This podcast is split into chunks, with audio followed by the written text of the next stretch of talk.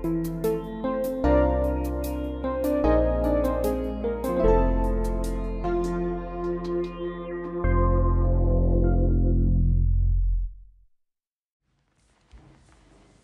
og velkommen til studio. Mitt navn er Hilde Forsmo, og jeg har med meg virksomhetsdirektør for oppvekst i Færder i dag, Hilde Skjerven. Velkommen. Tusen takk, Hilde. Veldig fint å være på podtalken igjen. Ja, det er bra. Eh, jeg tenkte at i dag så må vi snakke om et prosjekt som skal i gang i Færder. Og det prosjektet heter Barnets 1000 første dager. Grunnen til at vi har det prosjektet, handler jo om at vi har skrevet en helhetlig plan for oppvekst, der det er ett av tiltakene. Og så har vi nå lagd et mandat og skal i gang med det prosjektet. Og da lurer jeg på, kan ikke du si litt om bakgrunnen for denne satsinga? Hvorfor er dette et tiltak i helhetlig plan for oppvekst? Mm. Eh, det var jo sånn at vår helhetlige plan ble vedtatt i mai. Og da hadde jo vi jobba med den i fire år. Mm. Vi brukte god tid på å komme fram til et kunnskapsgrunnlag. Da utfordra vi jo alle der ute til å finne ut hva er det forskningen sier. Mm. At det er viktig for barn som vokser opp i vår kommune, og ungdom som vokser opp i, i vår kommune. Og i det kunnskapsgrunnlaget mm. så har vi eh, hatt fokus på forskning mm. som viser at barnets inntrykk og opplevelser de første leveåra mm. er enda viktigere for utviklingen deres, Mhm. for hjernens utvikling bl.a., enn vi tidligere har, har trodd. Det Mm. er faktisk sånn at de første åra i et barns liv det danner grunnlag for hele barnets fysiske og psykiske helse og, og trivsel, og kan påvirke dem hele livet.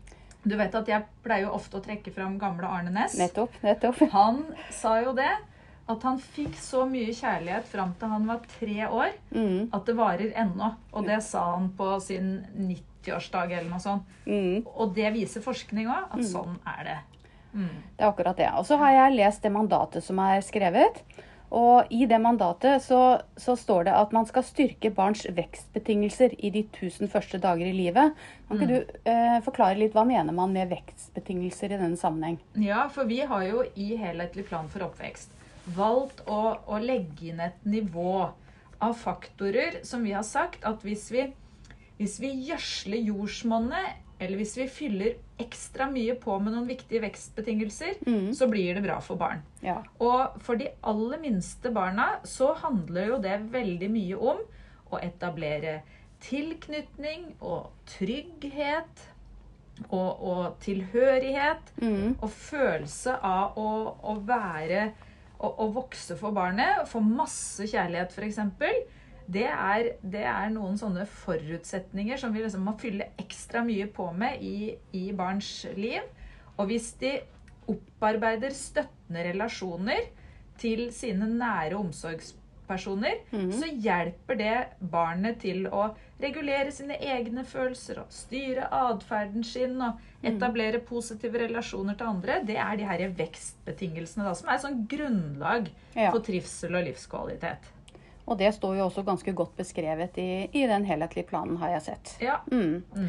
Eh, Jeg tenker jo også at eh, det du sier nå, er noe alle kanskje vil si at det vet vi. ja. Dette kjenner vi godt til, og det, det er sånn vi, sånn vi eh, jobber med foreldrene f.eks., eller sånn vi jobber i barnehagen. Mm. Eh, Men det har slått meg at det, det er kanskje en vei å gå i forhold til å være ordentlig bevisst den forskninga som nå er lagt fram, på den faktiske betydningen. ja, det tror jeg du har helt rett i. At vi har Vi aner at det er viktig, Mm. men vi har ikke et bevisst nok forhold til det. Og vi har kanskje ikke nok fokus på hvilken kompetanse vi sjøl trenger Mm. for å, å virkelig kunne gjøre det så, så bra som mulig. Mm. Så eh, hensikten her er jo å identifisere enda bedre hva, hva er det forskningen sier at eh, barna inni mors liv Mm. og i de tre første leveåra, hva er det de trenger? Mm. Og ikke minst, hvordan kan vi da identifisere og iverksette tiltak som kan styrke den her gravide familien Mm. før fødsel Mm. og i de tusen første dagene etter at barnet har blitt, blitt født. Nettopp. Mm. Og det da For jeg tenkte jeg skulle spørre deg litt om det med eh, i prosjekt, Den prosjektgruppa blir jo utfordra på å komme med noen konkrete forslag til tiltak, som da kan definere f.eks. hvilken kompetanse som er viktig for å lykkes. Og da lurer jeg på, har, har dere gjort dere noen tanker om hva, hva, hva er det vi snakker om litt sånn eh, litt konkret? Mm. Eh, for alle andre voksne i, i Færder nå, så, altså de som jobber i barnehage og skole, Mm. så har vi jo gjennomført et stort og viktig kompetanseløft mm. i- gjennom å innføre trygghetssirkelen. Se barnet innenfra, se eleven innenfra, som forståelsesmodell. Nettopp. Eh, vi har ikke hatt det samme fokuset på å gi alle foreldrene den kompetansen. Og tenk om vi kunne ha begynt å bygge den kompetansen i blivende foreldre. Mm. Eller i foreldrene rett etter at de har, Mm. har blitt, eh, blitt foreldre til et barn. Mm. Eh, det tror jeg kunne ha en enorm effekt. Mm. Så det er én ting. Og en annen ting det er jo at vi vet at eh, i mange tilfeller i begynnelsen så er fokuset på mor. At mor skal ha det bra. Og at mor eh, blir fulgt opp i, i svangerskapsomsorgen og også i den første tida etter at barnet blir født. Det er Mm. mor som er hjemme med permisjon og deltar i barselgrupper og sånn. Mm. Hva med far? Mm. Hvor er fars rolle i dette? Nettopp. Og her har vi jo sett at eh, helsestasjon allerede har Mm. hatt et veldig viktig fokus på å løfte fars rolle og ta far mye mer aktivt med. Mm. Det tror jeg er en annen ting. Mm. Og så er jo spørsmålet igjen hvordan kan vi jobbe med tilpasning på den første fellesskapsarenaen barnet kommer til? Åpen barnehage. Mm. Hva gjør vi der? Mm. Og, og, og i småbarnsavdelingen i, i barnehage. Nettopp. Mm. Så det er, eh, det er mange områder man kan ta tak i dette på. Ja.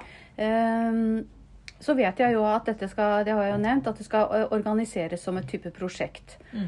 Og der er det jo da eh, satt ned en gruppe nå som skal møtes om ikke så altfor lenge og starte denne prosessen sammen. Mm. Og jeg vet jo at eh, prosjektleder er, har en særlig god kompetanse innenfor dette feltet. Kan ikke du si litt om hvorfor man har valgt å sette en psykolog som man etter hvert nå blir spesialist på en så, så, sånt oppdrag? Ja, jeg syns jo at uh, vi har fått på plass ei utrolig spennende prosjektgruppe. Mm. Uh, vi har som leder Charlotta Jansson fra Færderhuset, som er eh, psykolog i spesialisering, og som sitter på en spisskompetanse her, Mm. som uh, jeg gleder meg til at vi skal se mm, effekt at det er nettopp hun som leder dette prosjektet. Mm. Og så har jeg jo med seg Liv Bente Askim fra Forebyggende helsetjeneste, som er helsesykepleier og, og familieveileder, og også har stor kompetanse på området. Mm. Og Katarina Becker fra PP-tjenesten med det samme. Mm. Og så skal du være med med prosessstøtte. Ja, nå ble jo det endra litt i går. Det blir eh, Vibeke Gundersen som, eh, som skal være den støtta. Men jeg skal jo være med i prosessen, jeg også.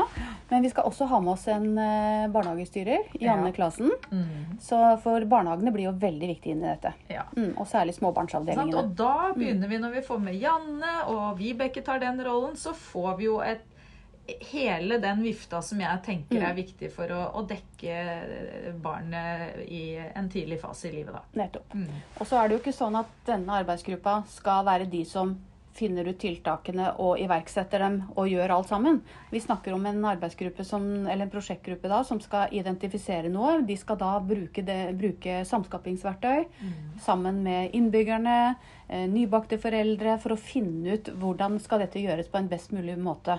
Og bruke samskaping og Mm. ja, andre metoder da, enn det vi normalt gjør i en kommune når vi skal utvikle et prosjekt. Mm.